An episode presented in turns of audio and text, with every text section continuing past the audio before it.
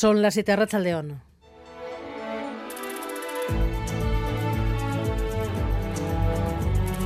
Gambara con Arancha García. Fraude electoral, golpe de Estado, PP y Vox han llevado al Congreso todo su repertorio contra la investidura de Pedro Sánchez tras la ofensiva en tribunales, en la calle. Feijó y Abascal han protagonizado la primera parte de la sesión de esta tarde.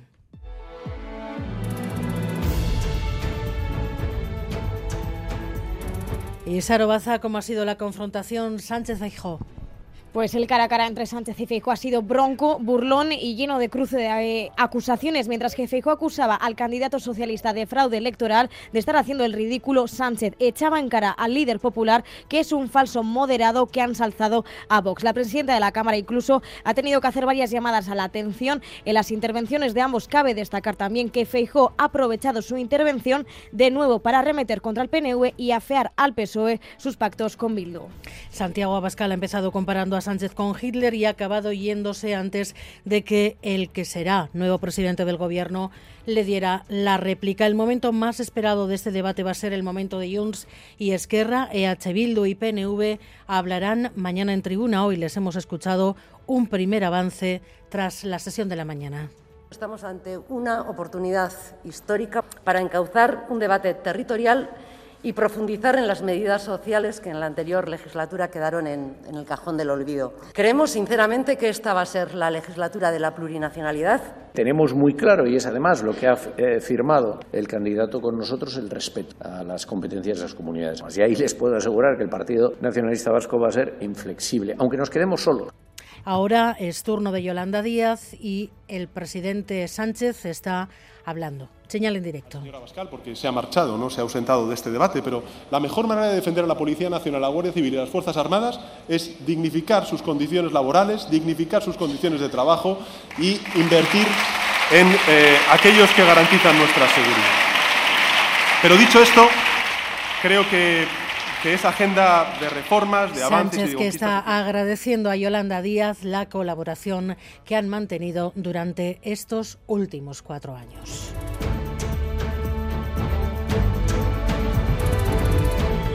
Siemens Gamesa lanza un mensaje de calma, pero la preocupación es máxima tras conocerse un volumen, el volumen de sus pérdidas, más de 4.000 millones, y que la multinacional se las atribuye a su filial en Euskadi. Es una empresa estratégica para nuestra economía. Hay miles de empleos directos o indirectos que dependen de ella. Ahora, a la espera de las ayudas de los gobiernos alemán y español, Rodrigo Manero. Sí, Siemens Energy responsabiliza a Gamesa del agujero que roza los 4.600 millones de euros. La eólica con sede en Zamudio tiene problemas técnicos con su último modelo de aerogenerador y no volverá a ser rentable hasta dentro de dos años. Pero la multinacional tiene un plan para remontar, un plan que de momento dice no incluye despidos ni cierres en España. La semana que viene dará los detalles, los sindicatos dicen que hasta que no lo vean no se lo creen. La familia de John Aramburu se siente indefensa tras la decisión del juez de Soria de dejar en libertad con cargos a los 20 ultras detenidos por la paliza que dieron al hincha de la Real hace unos meses, David Beramendi. Sí, la familia de John Aramburu denuncia que nadie avisó a su abogado de que el juez iba a tomar declaración a los 20 detenidos, es decir, no pudo estar presente, no pudo hacer preguntas y no pudo pedir la adopción de más medidas. Por eso la familia habla de chapuza y de indefensión. Recordemos que el juez ha dejado en libertad con cargos a los 20 detenidos por la brutal paliza que recibió John en Soria. A los 20 se les imputa un delito de desórdenes públicos y se les impone una orden de alejamiento de los campos de fútbol. Son de Soria, Logroño, Zaragoza y Madrid todos ellos vinculados a grupos ultras del Numancia, el Zaragoza y el Leganés. El ejército israelí ha entrado ya en el principal hospital de Gaza, está registrando las salas, interrogando a los médicos. Dice que en los sótanos del hospital se esconde la base de Hamas. Miquel Ayestarán, León. A Racha León, después de varios días de asedio y combates a sus puertas, Israel ha asaltado el hospital de Al-Shifa en busca de los túneles de Hamas. La llegada de los militares ha provocado el pánico entre los miles de palestinos allí cercados, entre heridos, enfermos, personal médico y desplazados. Los militares aseguran que se trata de una operación precisa en una zona específica con el objetivo de buscar armas e infraestructura de los islamistas y a las pocas horas de entrar han revelado el hallazgo de armas, aunque no han dado con indicio alguno que apunte a que jamás haya retenido aquí alguno de los 200 cautivos que tienen su poder desde el 7 de octubre. Hace menos de una hora que han salido desde el interior del hospital, según ha informado su director al canal Al Jazeera, pero los tanques mantienen el cerco y hay que recordar que el mayor centro hospitalario de Gaza está desde el fin de semana sin electricidad, sin agua, sin oxígeno y sin comida. Un día más, la violencia ha ido más rápido que el campo diplomático, en el que Qatar ha vuelto a señalar que el acuerdo para la liberación de 50 rehenes a cambio de un alto el fuego de tres días está próximo. Y una persona ha muerto esta tarde en un accidente en el Alto de Azcárate, en un choque múltiple. La carretera ha estado cortada casi tres horas, Gary Suárez. Sí, el siniestro ha tenido lugar pasadas las tres y media de la tarde en la Guipúzcoa 2634 en Azcoite, en el Alto de Azcárate. Tres vehículos han sufrido un accidente en el que un hombre de 33 años ha fallecido, mientras que otras cuatro personas han resultado heridas, por lo que han sido evacuadas a los hospitales de Donostia y Mendaro. La carretera se ha cortado en ambos sentidos durante casi tres horas hasta que se ha reabierto a las seis y media de la tarde. En estos momentos se circula con normalidad en ese tramo, según el Departamento de Tráfico. Y los deportes, Edu García, Rachaldeón. ¿Qué tal, Rachaldeón? Pasan por el baloncesto en esta jornada de miércoles, de entrada con la FIBA Europe Cup en marcha para Bilbao Basket. Quinto partido juega en Rumanía ante el Sibiu, con el tercer cuarto a punto de comenzar, si no lo ha hecho ya. John Hernández, cuéntanos qué tal, Rachaldeón. Rachaldeón, Edu, acaba de comenzar el tercer cuarto, de hecho ahora mismo quedan ocho minutos para el final eh, del mismo. De momento el marcador no le sonríe al Surne Bilbao Basket, que pierde tres. Sibiu 45, Surne Bilbao Basket 42, lo he dicho cuando faltan 7 minutos y 55 segundos para el final del tercer cuarto. A las ocho y media, Euroliga de baloncesto en el Bues Arena, partidazo entre el Basconia y Barcelona en la octava jornada. Y en cuanto a sorteo de Copa, tenemos ya los emparejamientos y las fechas para nuestros equipos. Tomad nota porque son destacados y muchos. Para el miércoles 6 de diciembre, Tarrasa Deportivo Alavés, Andrach Real Sociedad, Egues Mallorca, Levante Morevieta y Tubelano Las Palmas. Y para el jueves día 7, los otros tres, Melilla Eibar, Cayón Athletic y Sestao River, Celta de Vigo. También se sortearon los octavos de final de la Copa de la Reina que se jugaron en el mes de enero.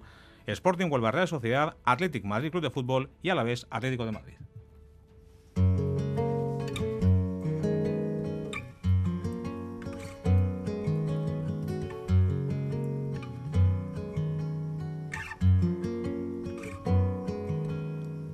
Ahora que la adolescencia es un septiembre lejano, humo de cerveza en un portal.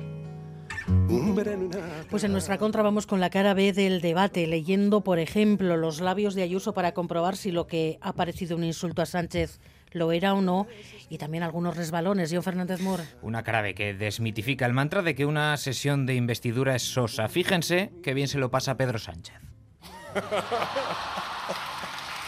Aunque también ha tenido momentos incómodos el candidato.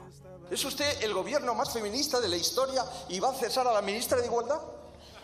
La cara de Irene Montero, sonrisa incómoda, todo un poema. Y ya que hablamos de poemas, uno de Machado protagonista hoy. La cita de Machado en su discurso, dígala completa, señor Sánchez. Dice, hoy es siempre todavía, toda la vida es ahora. Y omite. Y ahora, ahora es el momento de cumplir las promesas que nos hicimos. Esta es la cita completa. Pero resulta que en su corrección al candidato Feijó ha patinado. Un tuit de un cantautor español que es Ismael Serrano para decirle que, que la cita de Machado es, eh, es, la cita válida. El añadido que usted ha hecho desde esta tribuna pues fue una adaptación del cantautor Ismael Serrano a la cita de Antonio. Era un añadido de esta canción que precisamente escuchan. Comenzábamos con risas esta cara B, pero también ha habido hueco para los insultos. Su antecesor alertó sobre un probable caso de corrupción por parte de la presidenta de la Comunidad de Madrid, la señora Ayuso, y su respuesta fue fulminante. Evacuar al señor Casado en un golpe de mano y echar por tierra a ese caso de corrupción de la señora Ayuso. Era aquí cuando las cámaras enfocaban a la presidenta madrileña espetando un qué hijo de puta a Pedro Sánchez. Primero su gabinete ha dicho que no, que Ayuso decía me gusta la fruta para acabar rindiéndose a la evidencia y además sacar pecho. Es lo mínimo que se merece Sánchez, dice su equipo. Y en la cara B de la investidura hemos querido también hacer hueco a Santiago Abascal. Una constitucional en otoño de 2021. Un error que los españoles... Sus seguidores protestando en la calle han parado en ese momento la protesta y de esta manera, con un megáfono, han escuchado las proclamas de su líder. Que se hunden nuestros corazones como la vieja Venecia, que llegó tarde a los cines y al fin del planeta. Miguel Ortiz y Alberto Subelia están en la dirección técnica, Cristina Vázquez en la producción.